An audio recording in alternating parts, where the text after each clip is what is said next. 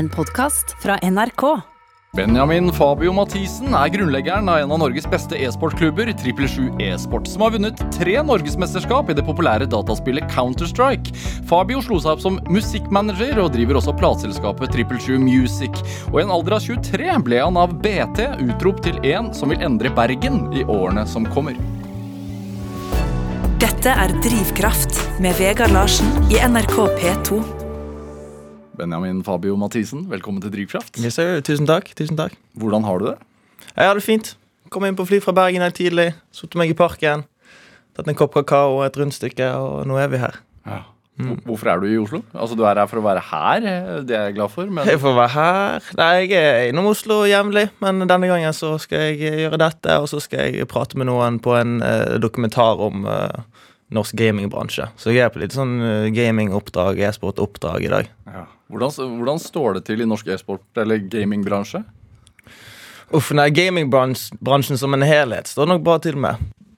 Men, eh, men eh, norsk e-sport er noe annet. E-sport er en litt sånn kategori for seg sjøl. Jeg vil nesten kalt det en nisje, nisje inni gaming-nisjen.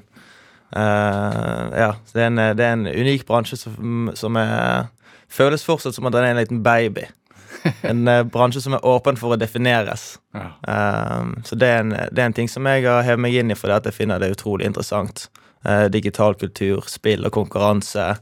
Um, og ja, brukt de siste tre årene på å prøve å finne ut hva greien er her. Ja, det, eh, I introen her så snakket jeg jo om trippel 777 e-sport og 777 music. Ja. Hva, er, hva er dette 777? Altså når jeg ser for meg tre syvtall, så tenker jeg en sånn enarma banditt som man drar på, og så får man tre sjuere, og da er det jackpot. holdt jeg på. Alle har sine egne assosiasjoner til det tallet. Mange spør meg hele tiden er det engeltall, er det jackpot-tall, er det hvor ligger symbolikken? Nei, altså Jeg har ikke lagt så veldig mye i akkurat det, men det var eh, et navn jeg brukte for den første YouTube-kanalen min.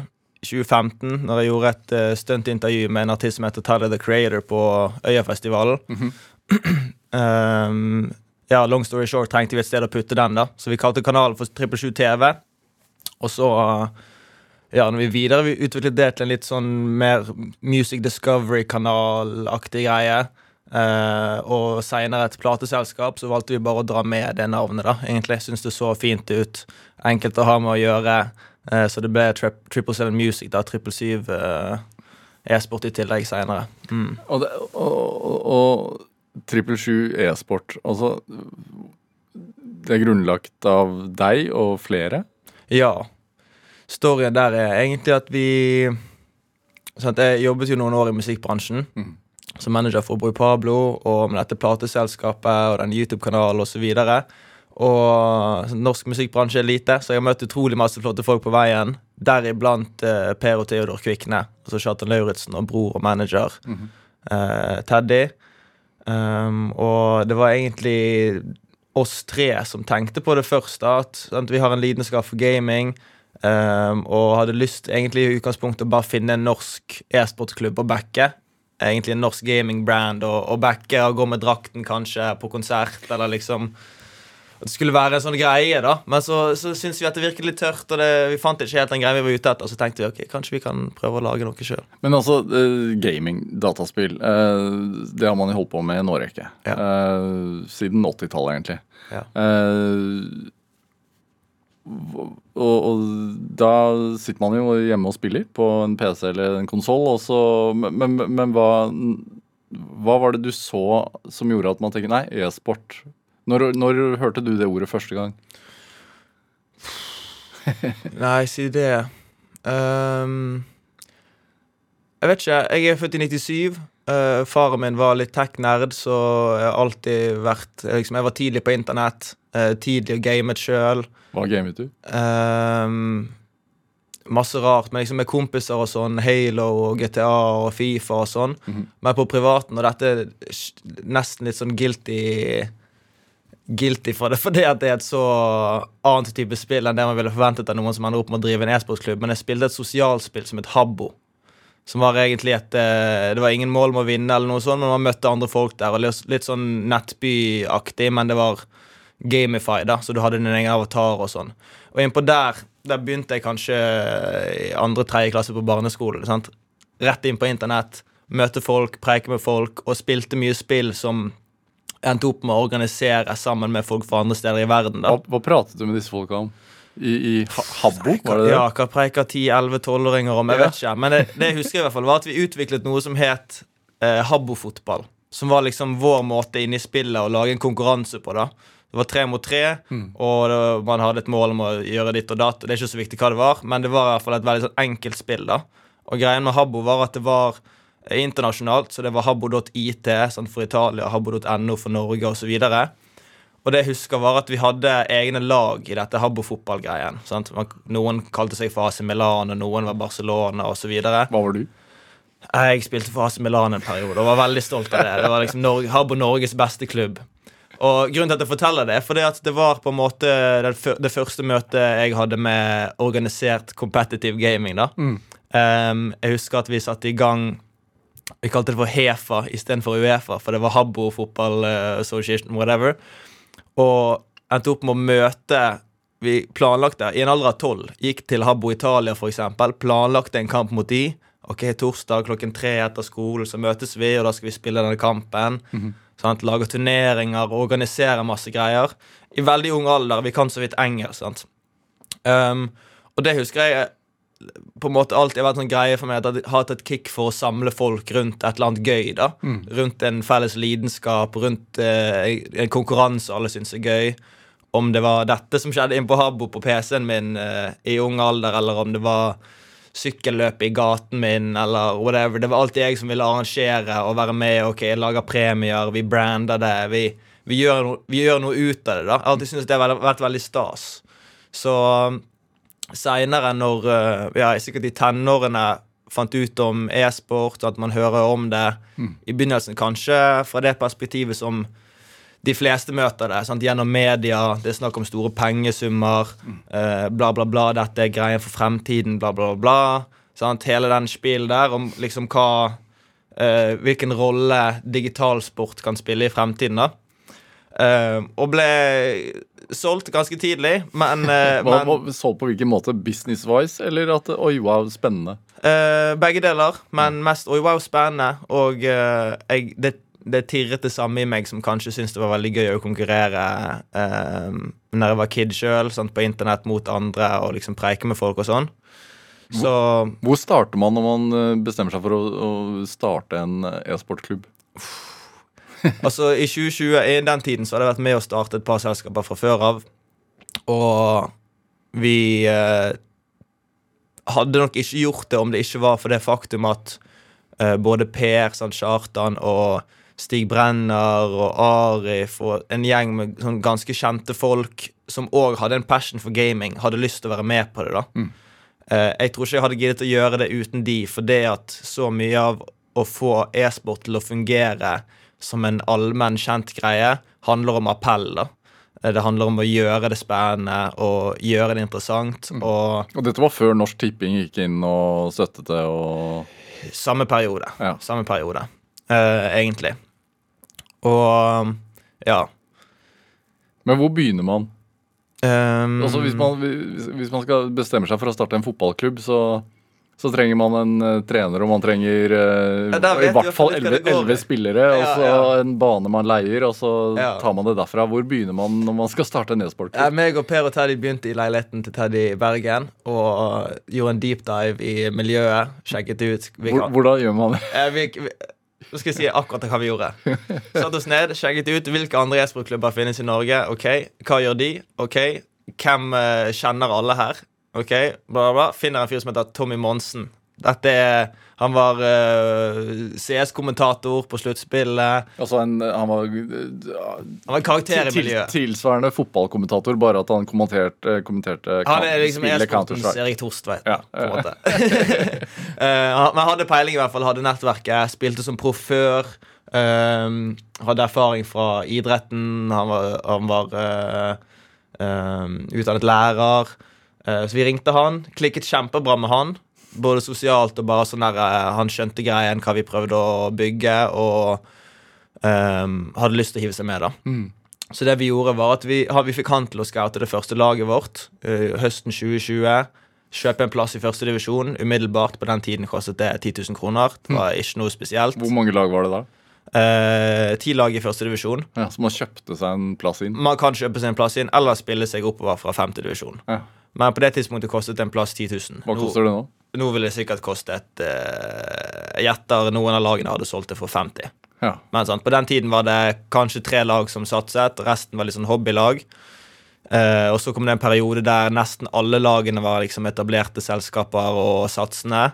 Eh, og nå ser man at e-sport er på en litt sånn dupp igjen. Der ja, det har, det har vært mye investor-hype, det har vært mye øyne på bransjen, og kanskje etter pandemien så har det dabbet litt av. da. Men sånn verdensmessig, altså jeg bare så på noen tall, jeg er jo noen år gamle, men altså i USA i 2021, eh, og etter det så har det jo bare steget, så omsatte e-sport for 2,5 milliard, eh, og, og De sier så. Og e-sport som idrett blir fulgt av eh, en halv milliard mennesker eh, verden over.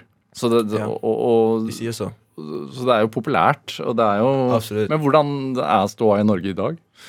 Um, nei, jeg vil fortsatt kalt det nisje av en nisje, og jeg ville sagt at um, Det er mange som er nysgjerrige, men det er få som er eh, interessert nok til at de er villige til å bruke noe penger på interessen. Sant? Det, er man interessert i gaming, kanskje man har brukt litt penger på noe in game features, noe skins. Altså, hvis eller man annet spiller- sånt. ja, ja. Hvis man bare spiller og har en spillinteresse, Så når du sier eh, skins, så er det at man kan kjøpe f.eks. klær til en figur? på- Rett og slett digitale, Ja. digitale assets, da. Um, men veien å være liksom en gamingentusiast til å gå over til å være en e-sportentusiast, Mm. altså da følge med på kamper, støtte et lag, følge med på enkeltspiller osv., den er lengre enn jeg skulle trodd. da. Mye lenger enn jeg trodde i 2019-2020 når vi startet dette opp. At det skulle være så mange som er egentlig gaminginteresserte og digger, digger det, men som føler en eller annen form for 'dette er ikke noe for meg'. da. At det er et eller annet sånn gjerde der. Og det kan være så mangt. sant? Men, men tidligere i år så var du med å, å arrangere noe som het uh, Bergen Gaming. Bergen Games. eh, Bergen Games. Ja. Som jo da er live spilling. Ja. Hvor mange kom? 600 i lokalet, så vi var stappet 600 sittende på verftet, og så tror jeg det var 3000-4000 unike seere på nett. Ja, hvordan eh, er stemningen på det arrangementet? Hva skjer? Den er, den er unik. altså Det har ikke skjedd så mye sånt i Norge, så jeg tror veldig mange i forkant var litt sånn der Hva er det jeg går til her? Hva er det som skal skje? Men det vi gjorde, da, for å forklare det eh, ganske rett fram opplegg, egentlig Vi uh, hadde en turnering i et spill som heter Counter-Strike, som er på en måte det mest populære e-sportspillet akkurat nå. Et lag skyter et annet lag. Ja. Ja. Uh, og så Og så var greien at vinneren av den Eller de to siste som står igjen, da de skal få lov å spille finalen på dette fysiske arrangementet, Bergen Games, på verftet i Bergen. Og for de som aldri har sett uh, livespilling, hvordan foregår det da? Det som skjer da, er at det sitter Det er ti PC-er rigget opp på, skjermen, på, på scenen. Uh, fem på hvert lag. De sitter på hver sin side av scenen. Alle kan se hva som skjer på, i, inni spillet på LED-skjermen, som er bak ryggen til alle spillerne. Uh, og så spiller de gjennom kampen. Uh, folk heier. Alkohol blir servert. Folk koser seg. Gløgg i hjel. Ser på denne greien som de aldri har sett fra publikumsperspektiv, de aller fleste av de før. Og så, etter troféløftet løftet, så var det klubbkonserter, da. Ja, ja. Så da spilte Marstein og Kjartan Lauritzen og Men hvordan er stemningen under, under spillets gang i forhold til Hvis du skal sammenligne, sammenligne med stemningen på, på Brann stadion?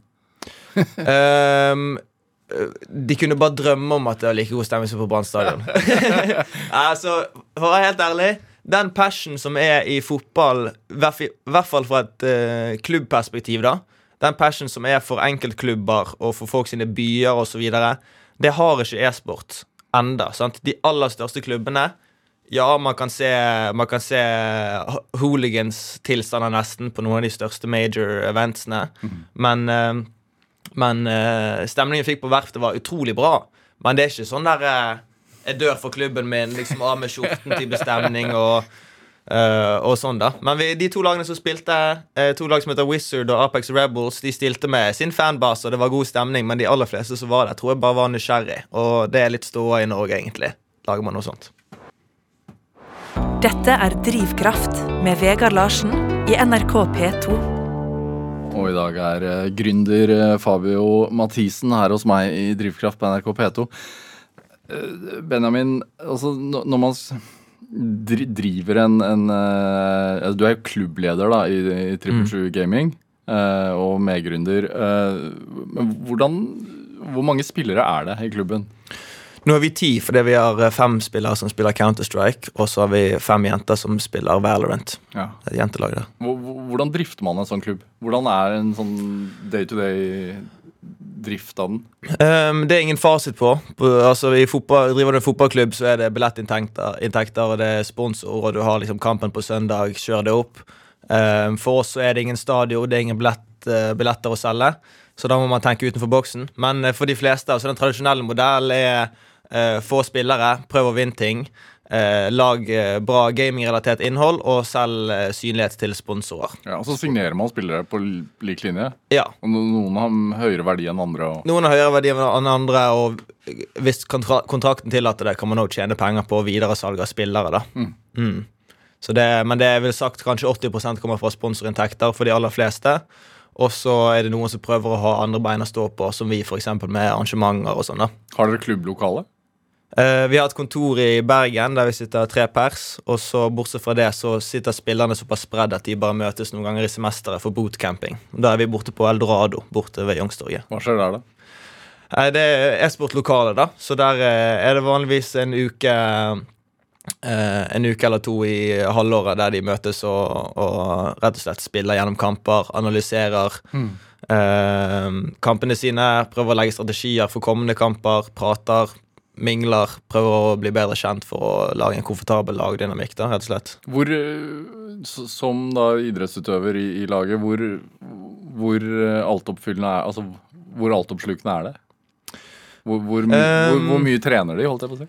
Altså, de fleste har jo allerede inne sine 10 000 timer, vil jeg sagt, fra tenårene og sånn, og egen grind, og så er det Kommer an på livssituasjonen. Altså, veldig få i Norge lever av dette fra spillersiden.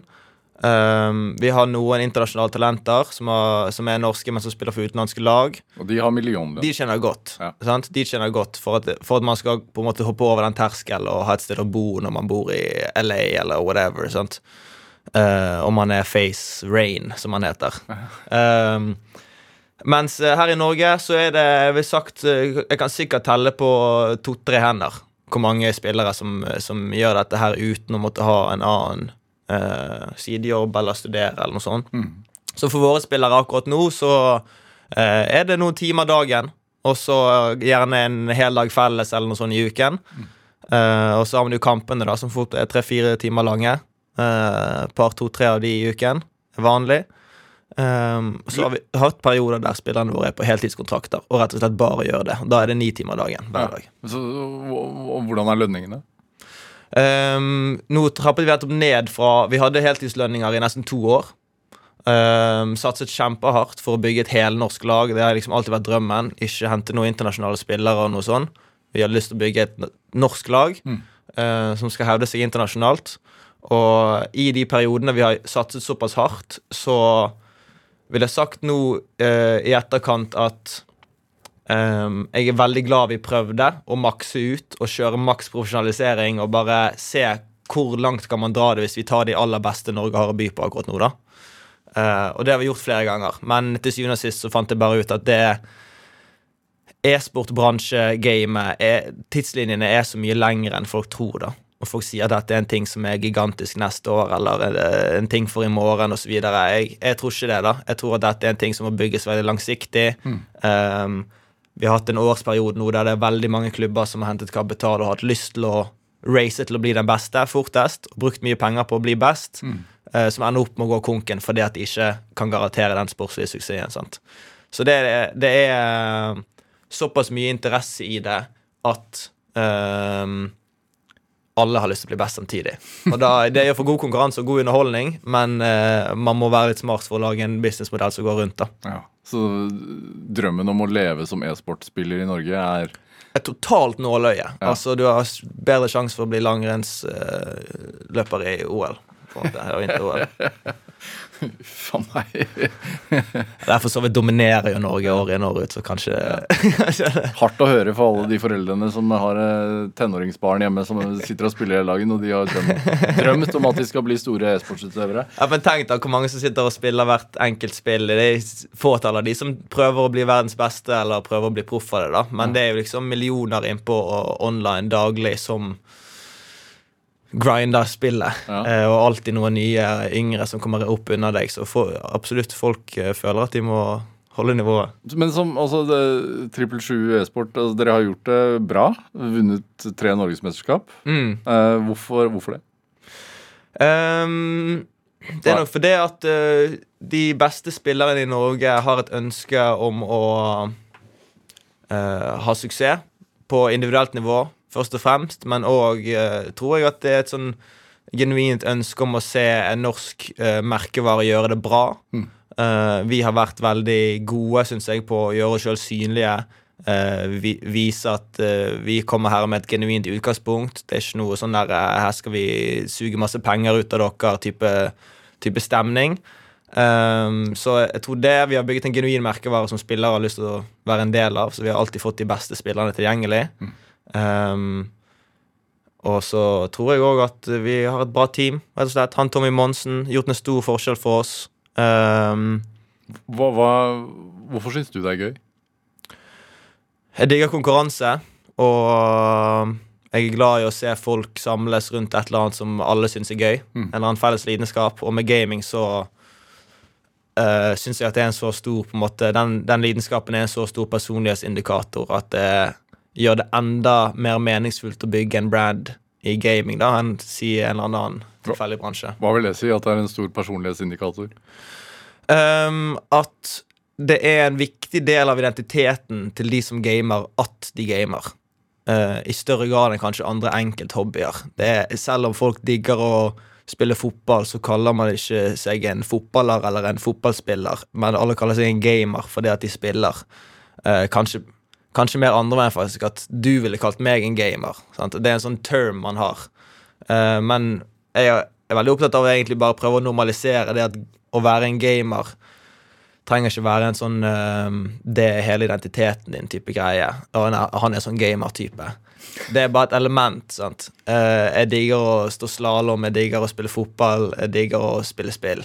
Eh, jeg er en gamer, men jeg er òg masse andre ting, på en måte. Men, men sånn rent personlig, hva, hva, hva er driven din der? Er det det å bygge opp noe fra scratch? Er det det å få den merkevaren til å bli en stor merkevare? Er det det som trigger deg mer enn selve Eh, vil, sporten? Ja, jeg ville nok sagt uh, hovedmotivasjonen min er å lære noe. Altså å bygge meg erfaring.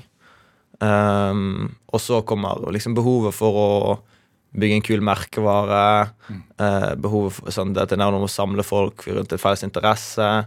Kanskje spesielt i fysisk format, altså med fysiske arrangementer og sånn. Det å se gleden til folk når de kommer og får se e-sport for første gang, eller gleden til spillerne som endelig har et opplegg der foreldrene kan komme og se de spille fysisk, og ikke bare liksom nikke skuffet på hodet når de sitter inne på rommet og konkurrerer. Men å se disse fysiske arrangementene, og folk heier de fram, osv. Eh, det er òg et sånn gledes, gledesmoment og en type drivkraft for meg. Hvorfor er det viktig for deg? Hva får du ut av det? Å se den gleden? Jeg deler jo med de, da. Eh, og så eh, er det vel kanskje tanken om at liksom sånn Bergen er det man gjør det til. Norge er det man gjør det til. Hvis det ikke, er et, hvis ikke dette finnes allerede, og det er et drømmearrangement for meg og mine venner, kanskje er det det for flere, da.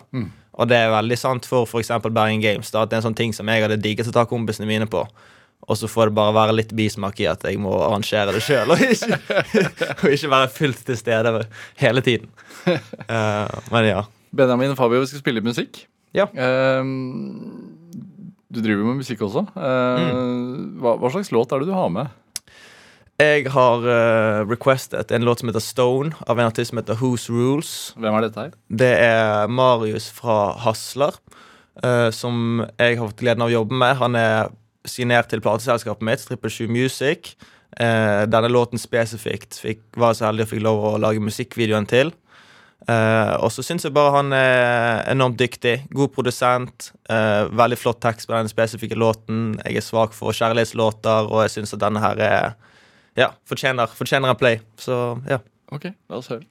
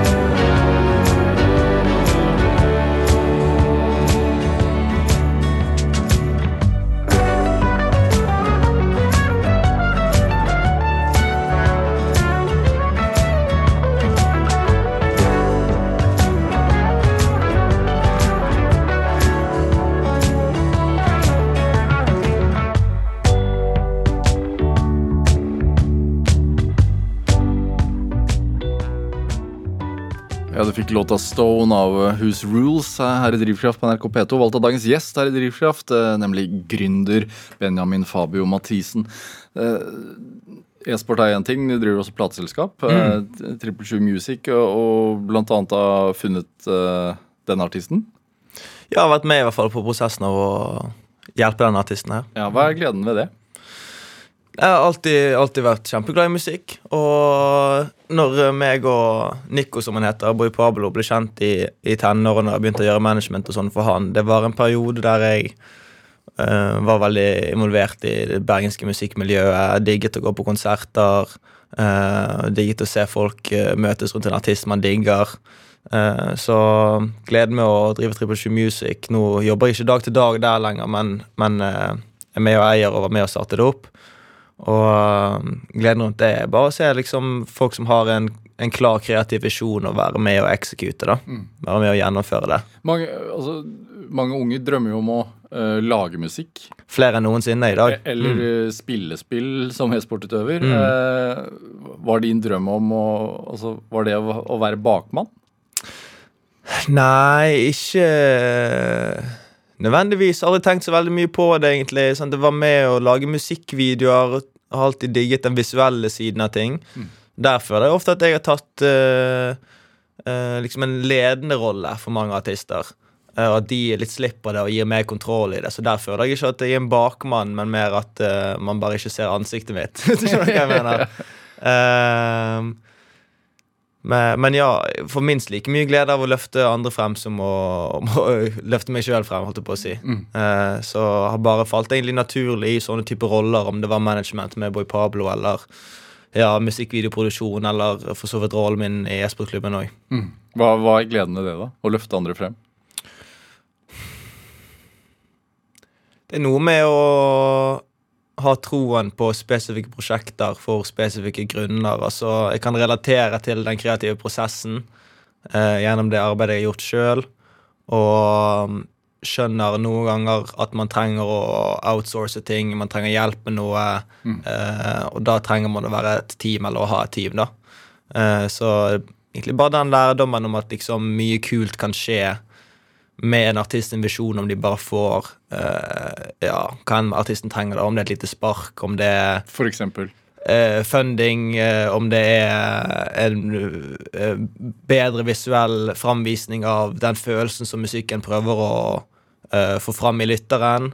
eh, om det er bedre merchandise, om det er ja, whatever, da. For en av Twitch-streamerne til Tripp 20 E-sport, om man trenger eh, ideer til opplegg, eller ideer til type sendinger, eller sponsorer, eller Ja. Jeg har alltid, alltid følt meg som en tilrettelegger, på et vis, da. Eh, Hvorfor det? Nei, hvor, hvor kommer det jeg vet fra? Jeg vet ikke. Jeg vet ikke helt Um, Som jeg nevnte tidligere, så har jeg på en måte alltid følt at jeg har litt den tendensen. At jeg nevnte sykkelløp i gaten min da jeg var kid. og sånn. Det er sånne ting jeg tenker tilbake til. Jeg husker jeg satt og lagde liksom eh, Lagde logoen i Word-dokument. Jeg må ha vært sånn ni år gammel. eller noe sånt. Logoen i et Word-dokument når man kunne gjøre sånn Word art før. Eh, og Varende sykkelklubb kalte jeg det. Og liksom eh, skulle putte den på T-skjorter og blyantspisser og sånn som premier. Og liksom her, 'Kom her, nå har vi race, og du er med i klubben, og du er ikke', og da, da, liksom den derre ja, Kanskje jeg bare er kontrollfrik. Jeg vet ikke. Nei da. Um, Men Var dette på Askøy? Dette var på Askøy. Ja, hva slags sted er det? Det er en eh, stille og rolig øy rett utenfor Bergen. 20 min med bil. En liten båttur. Mm. Hvor mange bor der ute? Eh, rett under 30 000. Ja. Eh, så jeg vokste opp på en del av Askøy som heter Erdal, som er et veldig sånn rolig eh, boligområde. Og Gründerfamilie? Nei, jeg er yngst av fem, da. Huh. Jeg er yngst av fem, så stor familie. Eh, vokste opp uh, i kristen miljø. Det var mye i kirken og sånn som, som kid. Og, men, Pinsemenighet? ja, pinsemenighet. Ja. Hva vil det si? Um, det er kanskje en mer sånn uh, mer liberalt kirkemiljø, kanskje. Sånn frikirkelig-aktig. Og um, um, mer kreativt, egentlig, ville jeg sagt. Det, det, er mye av ting Jeg lærte meg Photoshop først i kirken, husker jeg. Eh, fordi det skulle være med å lage liksom, tingene som var på skjermen og sånn under, under møtene. Og så første undervisning jeg fikk i, i Photoshop og grafisk design, var gjennom kirken. Ja, først. Jeg hadde interessen fra før av, da. Eh, gjennom lille eh, internettreisen man får når man er kid. Men eh, jeg har òg masse musikerkompiser som har liksom touchet instrumenter skikkelig først i et lovsangstime i kirken. Hm. Hvor ofte var du i kirken? Eh, så tenåring eh, ukentlig. Ja. Og så, når jeg begynte å studere i London og i sånn ung voksen alder, så er det en ting jeg har gått vekk fra. På en måte ikke har den personlige troen lenger, da. Men den eh, som, som ung hva, gjør den fellesskapsfølelsen med at man er der da en gang i uka og treffer de samme folka, eller ja, Mm. menigheten? da? Hvor, Nei, si det, altså, jeg skjønner jo hva du mener. Altså, Folk samles rundt en lidenskap på en måte òg. Og det er en Ja, i tro så er det jo eh, på en måte en felles spesifikk ting man jobber mot òg. Mm. En, en levemåte Til og med en levemåte for andre. Sant? Man ønsker man ønsker de, de neste det beste òg, og liksom hva kan man gjøre sjøl for å Skjønner du hva jeg mener? Mm. Så det er sikkert elementer av det Dette liker mamma å høre, men sikkert masse elementer av det som uh, har uh, ja, sipet over i andre ting i livet mitt. Da, om det er karriere eller gründervirksomhet eller Ja, den, den gleden, kanskje, av å samles. Uh, Husker du det selv? Et sånt øyeblikk av, av sånn samlingsglede i, i menigheten? Ja, jo, jeg husker masse kjedelige ting òg. Men, eh, men eh, ja, absolutt. Jeg husker, jeg husker gleden av det, og gleden av å gjøre noe bare frivillig. Ikke fordi at det er noe interesse for å tjene penger, eller noe sånt, men bare vi gjorde det eh, bare av av helt genuine intensjoner, da. Som for eksempel? Um, barna har ikke en ting å gjøre i høstferien. La oss lage noe gøy for dem. Vi setter opp en leir. Skjønner du hva jeg mener? Sånne type ting bare skjer i kirken. Um, eller eh, det mangler gode musikktilbud i området. Skal vi bare sette opp et band på gøy? Skal vi bare ha undervisning her, eller eksempel den Photoshop-greien. sant? Kan vi bare lage et medieteam og, og kjøpe inn en skikkelig Mac og lære oss Photoshop? Ja, Seff. Så veien fra tanke til eh, Altså veien fra idé til prosjekt var ikke så lang? Ja, godt poeng. Huh. Mm. Det er sant. Og det hadde for så vidt ikke vært lenge for meg siden. Sant? Jeg har vært veldig kjapp på å gjøre interessene mine om til prosjekter. For kjapp noen ganger, i retrospekt. Når har det vært for kjapt? Med klesbutikken, kanskje? Ja. Uh, nei, egentlig ikke. Altså, jeg, det er ingenting jeg angrer på, for å være helt klar på det. Altså, Du drev klesbutikk i Bergen sentrum for noen, ja, for ja, noen siden? Vi startet midt i pandemien. Det er kanskje derfor jeg sier jeg angrer. Men det er jo lett å være etterpåklok på. på en måte Vi visste jo ikke at det skulle skje. Men, men eh, jeg er for så vidt glad for at jeg har vært kjapp på å gjøre interesser til prosjekter, for det at om det ikke ender i en suksess, så ender det i hvert fall i at jeg har lært et eller annet. Og veldig ofte noe sånn uh, tangible, uh, ekte leksjon, da. Enten i en ny bransje eller noe om å drive selskap eller noe hva som helst. da Prøve å ta lærdom fra det meste vi gjør. Eh, nesten til det punktet der nedturer føles ikke så nedtur lenger, fordi at jeg tenker bare Her, her har vi faen meg lært noe, folkens. Hva lærte du av å drive klesbutikk under pandemi, da? Uff, nei. Eh, jeg lærte På tross av at det var lite aktivitet utendørs i perioder, sant, når folk måtte være inne og sånn, så lærte jeg at det eh, kommer veldig mye interessant og spennende ut av å drive fysisk lokale. Altså versus å drive en online business, eksempel. Den effekten av å bare sånn være på gateplan i sentrum i en by. Eh, hvor mange som bare kommer innom fordi de er sånn 'Å, hva skjer her?' Og 'Hvem er du?' Og bare stikker hodet inn og bare vil preike. Mm. Jeg prøvde å jobbe parallelt på kontor bak i butikken mens jeg drev butikken. Og, sant? Mens jeg var i butikken og skulle selge ting osv. Men det bare gikk ikke an, fordi det konstant kom folk inn og 'Hei, hva selger dere her?' og 'Kan du fortelle om dette?' og da, da, Folk er nysgjerrige på ting som ser interessant ut. Sant? Vi laget et skikkelig fett eh, butikklokale, og og jeg tror sikkert 90% av de som kom gjennom, var bare liksom forbigående. Vi tenkte jo det skulle være liksom vår gjeng, og vi prøver å kjøre litt konserter her, og liksom Det blir vanskelig å reache ut til andre folk og sånn, men folk bare kom inn. Hvordan er Bergen som sånn gründerby? Eh, god. Så med, med den butikken, for eksempel, så var det Vi kunne få et uh, lokale på gateplan til liksom 10 000 i måneden, kanskje. Og for, for uh, fire uh, ganske unge gutter så er ikke det så gale, liksom. Man kan teste ut noe på det. Um, så ja, et, et, egentlig godt tilrettelagt for at unge kan prøve og feile masse. Eh, selvfølgelig en kjempesterk kulturby, sant. Um, lite ondartet konkurranse, sånn sett. Folk er kjapt til å løfte hverandre frem, versus å på en måte være skeptiske. Og hva er det du prøver på? og Da, da, da. Sånn som det kanskje kan være i en by som Oslo, der det er flere som prøver på samme tingen. Da, eller sannsynligheten for det er mye høyere. Fordi man er flere folk, og det blir Jo større byen er, jo, mer, jo lettere er det å falle inn i liksom enkeltklikker eller enkeltmiljøer. Mens Bergen er akkurat lite nok til at folk ønsker hverandre det beste. Sant? Eh, selv om jeg drev en klesbutikk, så var jeg veldig glad for at eh, det var en annen klesbutikk lenger nede i gaten, og drev av unge gründere. liksom. Bortsett fra Bybanen, så vil folk eh, hverandre vel. Ja, det var, akkurat den har ikke vi så mye gjennomføringsevne på. Er det uh, risiko? Hvordan ser du på det? Um, nei, jeg har alltid prøvd det her. Har pappa vært veldig god egentlig på å liksom passe på å sånn ikke være for naiv. Ehm, men jeg tror jeg kanskje er som yngst i flokken i familien min og sånn, har vært den som har liksom kunnet ta litt risiko. da Det har gått folk foran meg og prøvet og feilet, og jeg kan lære av deres feil. Hvordan oppdragelse får man når det er fem unger? Er det Veldig chill innen jeg kommer, da, for da har liksom foreldrene lært alt, og det er big deal, det er ikke så big deal. Og så minstemann har det sikkert ofte lettest, og det er tolv år mellom meg og eldste. Så, så egentlig veldig greit og veldig fritt, og sikkert derfor eh, ja, eh, jeg har endt opp som den jeg er i flokken. da De andre har helt andre typer jobber, og Ja. ja, ingen av de som er i kreativ bransje. sånn sett Hva jobbet mora og faren din med da da du vokste opp? Eh, Pappa har alltid vært i subsea, så Hva er det for noe?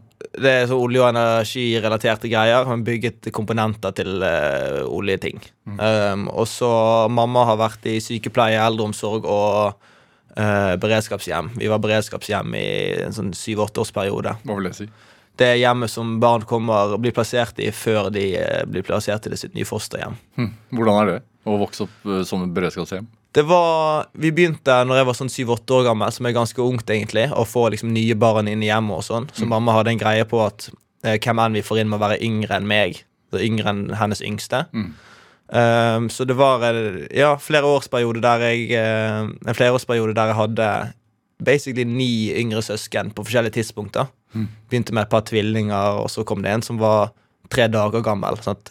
nettopp tatt ut av armene til moren sin, Mm. stakkar. Og uh, søskenpar seinere, og ja, folk som er voksne nå, mange av de, Ja. som meg. Hva, hva lærer man av det, tror du? Masse nestekjærlighet, masse omsorg og eh, sympati for vanskelige situasjoner, kanskje. Sympati for folk som er i omstendigheter som de ikke kan noe for. Sant? For eksempel dette barnet som var tre dager gammelt, og moren var heroinavhengig og ikke kunne ta vare på han, eller hva enn situasjonen er. Sant? Sånne stories som man hører fra barnevernssystemet. Mm. Folk som har det vanskelig. Og øh, har man overskuddsenergi, og det er noe jeg tenker de fleste burde jobbe mot å ha, så bruk den på andre mennesker. Dette er Drivkraft med Vegard Larsen i NRK P2. Og i dag er eh, gründer Benjamin Fabio Mathisen her hos meg i Drivkraft på NRK P2. Du, du reiste jo til Texas en periode. Ja. eh, I en alder av 14 så kom pappa til meg og sa at nå har jeg fått et jobbtilbud i Texas om å bo der i to år. Mm. Du kommer til å gå på en helt vanlig amerikansk high school, ikke noe utvekslingsopplegg og sånn. Er dere hypp? Til meg og en av brødrene mine. Så ble vi med. Så jeg gikk 9. og 10. klasse på Cinco Ranch High School i Texas. Hvor annerledes var det? Nesten så Det som det blir, med, kanskje med unntak av om vi dro til Kina eller noe sånt. Eh, Texas, det er noe helt Texas. Altså det, det er Husker du det? Altså, hva, Ja. Kulturforskjellen? Ja, jeg husker jeg var veldig nervøs i begynnelsen for å komme inn der. Jeg var ikke helt stødig på engelsk, og sånn, så liksom tok meg noen måneder å få en flyt der og ikke være sånn weirdo kid. da Men det var en skole med 4000 elever og 40 forskjellige nasjoner, liksom, så total kultursjokk. Um, men eh, men eh, noe ville Altså, den dag jeg får barn, vil jeg gjøre det samme Hvorfor det? i tenårene bare hive seg inn i et helt annet miljø. For det at det var så formativt for meg å måtte eh, tilpasse seg den situasjonen. eh, måtte lære seg språk skikkelig. eh, bli tvunget til å prøve å forstå andre mennesker på min alder som har helt annet utgangspunkt enn meg. Om de har vokst opp som muslimer, eller om de har vokst, vokst opp i en eller annen Uh, suburb i Houston, eller om uh, man er meksikaner, eller hva enn. Bare møte en haug med folk fra different walks of life, på en måte, som var uh, jevnaldret. Det var superinteressant. Hvordan er det amerikanske eh, samfunnet? Altså, Hvordan er det i Texas som tenåring? Ehm, ganske fritt, egentlig. Ganske fritt og greit. Man får lappen når man er 16. Sant? Så det er jo helt uh, Man, uh, man eh, lærer jo å fly tidlig. Men jeg vet ikke. Det en annen kultur, men de er veldig sånn familiefolk. Jeg hadde en kjæreste der der og liksom hang bare med familien hennes og prøvde å gjøre så mye Texas-ting som jeg kunne, og prøve å bare skjønne hva greiene er her. Uh, men eh, flott kultur, egentlig. Uh, det er jo Sørstats-Amerika, så liksom lenger utenfor storbyen kan det jo sikkert get uh, ugly og sånn, men Men Lærer man noe om sånn entreprenørvirksomhet og gründerskap og sånn? Eller sånn stå-på-vilje, liksom? Nei, der oppe er, Der borte er det jo litt sånn uh, Sikkert litt sånn The American Dream-mindset for mange, men det er mye Det er bare svada for de fleste, tror jeg. Der var det Jeg kan ikke huske noen der som hadde aspirasjoner om å gjøre noe på egen hånd eller starte egen business, eller Jeg tror det er mer du blir du, du synker så mye i studentgjeld og sånn fra college at jeg tror mange mister eh, troen på at de skal klare å jeg vet ikke, Her i Norge kan man søke om så mye støtte. Det er kulturstøtte hvis du vil bli artist, og Innovasjon Norge hvis du vil starte noe nytt. og Mm. eh, Jeg vet ikke. Litt, litt annerledes satt opp der. Men jeg var der i tidlig tenårene, så det er vanskelig å si. Men eh, Hva tok du med deg hjem, da? Altså, hvordan, hvordan var det å komme til Norge igjen? litt, eh, litt underlig. Sånn jeg husker det Jeg begynte på en helt ny skole, så liksom total reset av sosiallivet igjen, da. Som òg kan være ganske forfriskende, men òg utfordrende for en tenåring. Sånn, først flyttet til Texas og mistet alle vennene på Askøy, og så til Bergen igjen og mistet alle vennene på Askøy og Texas. Hvordan starter man på nytt, da? By på seg sjøl og sånn, jeg vet ikke. Eh, jeg, eh, på den tiden var, hadde jeg ganske god selvtillit, tror jeg, og sånt, var vant til å være i en litt sånn lederrolle, kanskje fra noe av kirkearbeidet.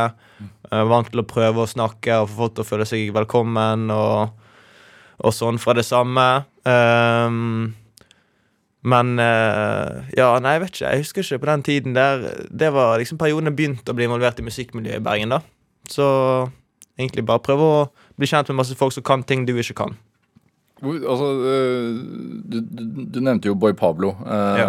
barndomsvennen av deg, Mm. eh, som jo har opplevd ganske stor suksess dere har, Mm. de, de siste årene. Eh, flere, av- flere av låtene har over 100 millioner avspillinger på Spotify, f.eks. Ja. Eh, turnerer, kan turnere langt utafor grensene. Mm. Hvor er, hvor er han størst? Eh, hovedmarkedet hans er by far Indonesia. Ja. Det er sånne ting som spilte seg ut i den tidlige liksom, YouTube-viralfasen i 2017. Da hadde vi laget en video som het uh, Everytime. Var, var, det, var det tilfeldigheter, tenker du? Uh, den viraliteten Ja. Eh, jeg tror det er like tilfeldig som andre virale videoer. Altså, det er jo basert på, basert på en type sånn YouTube prøver å gjøre et estimat på hvilke type mennesker liker denne videoen. Mhm. Og så ble han bare anbefalt til masse mennesker som digget han, og de fortsatte å dele han videre.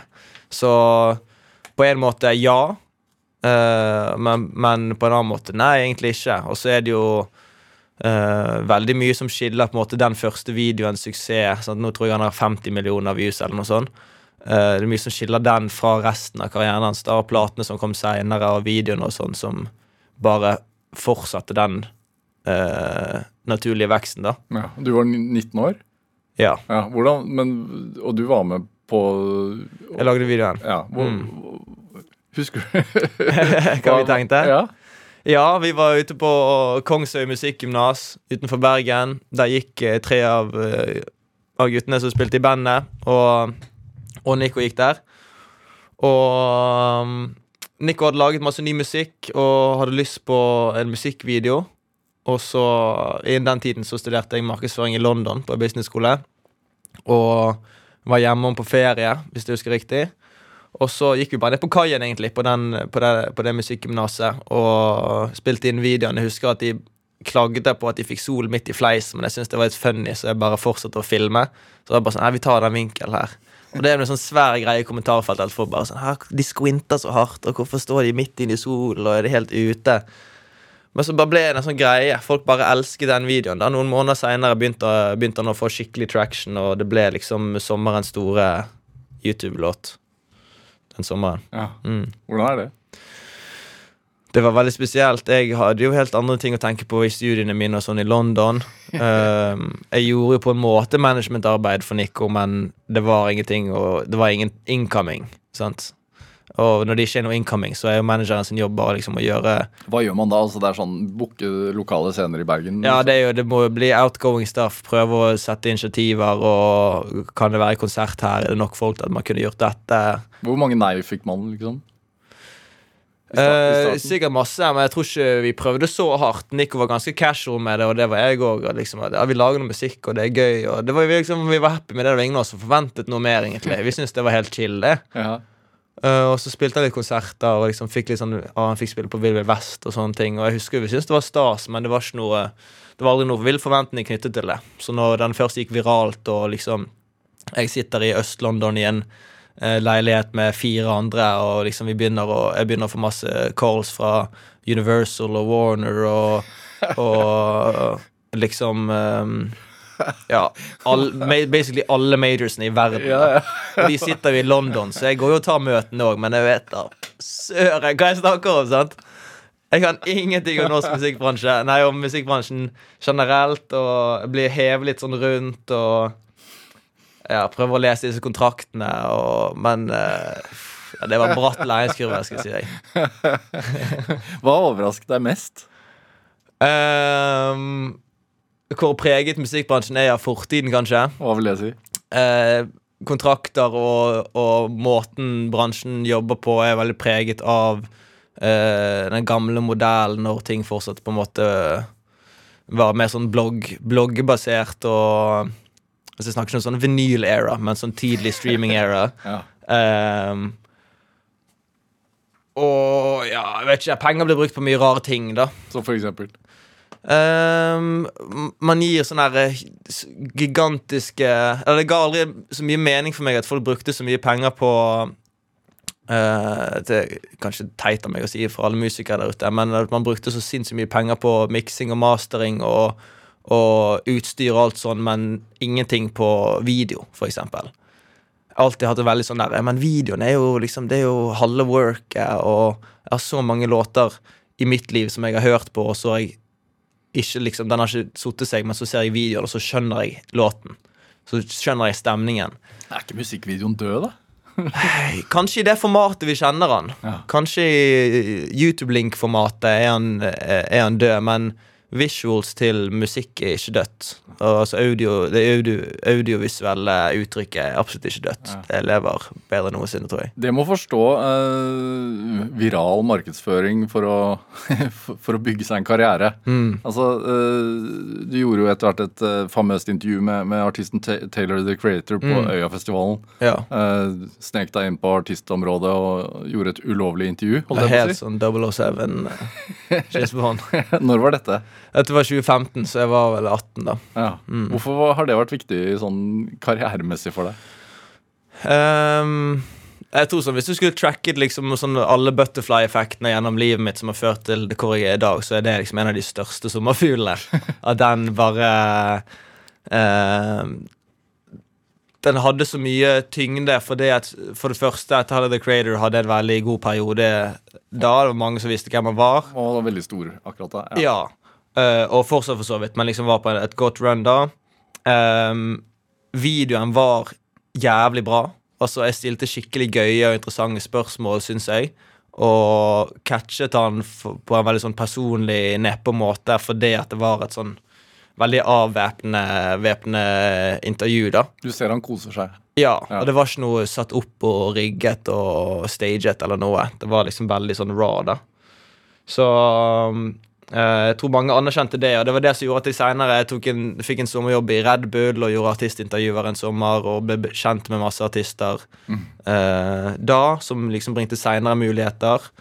Eh, så er det òg samme sånn, på 7 TV, samme YouTube-kanal som vi postet Boy Pablo Everytime-videoen på. Som jeg tror òg kan ha en innvirkning på viraliteten til Boy Pablo-videoen. Arguably.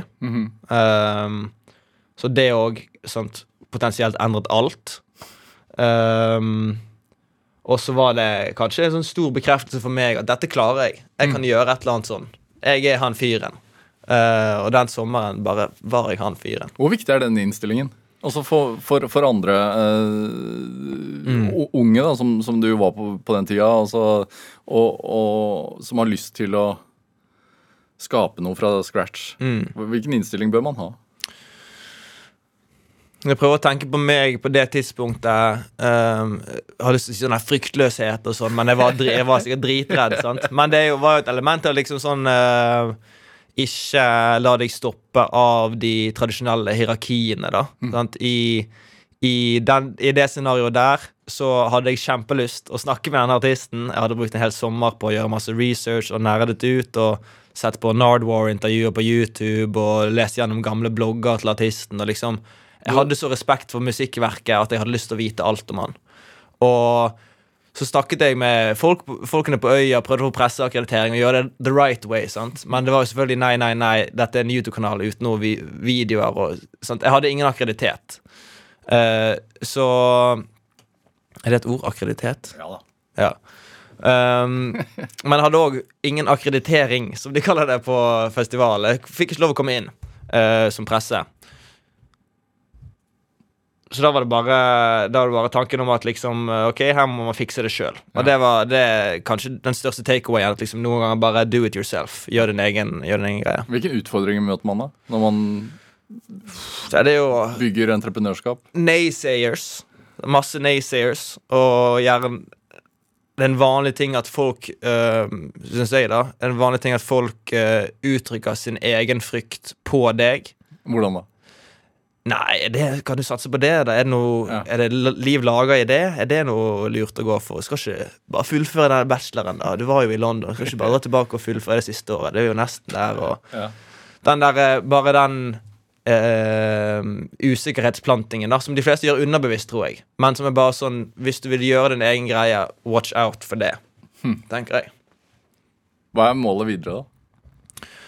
Fortsett å lære masse. Prøve, prøv og feile. Eh, og så går vi inn i litt sånn eh, nedtrappingsfase med Triple 20 e-sport. Prøver ikke å bruke så mye penger. Eh, så jeg kommer sikkert til å hoppe på et annet prosjekt òg neste år. Og gjøre litt sånn half and half. Så jeg er veldig spent på hva det kan være. Prøve å, å stikke inn i en ny type utfordring. Så ja, gleder meg. Jeg gleder meg også. Benjamin eh, Fabio Mathisen, hva er drivkraften? Drivkraften er å lære og skaffe seg sjøl erfaring. Livet er kort, prøver masse nye greier. Og så er jeg òg veldig drevet av å se folk samles eh, for lidenskapen sin.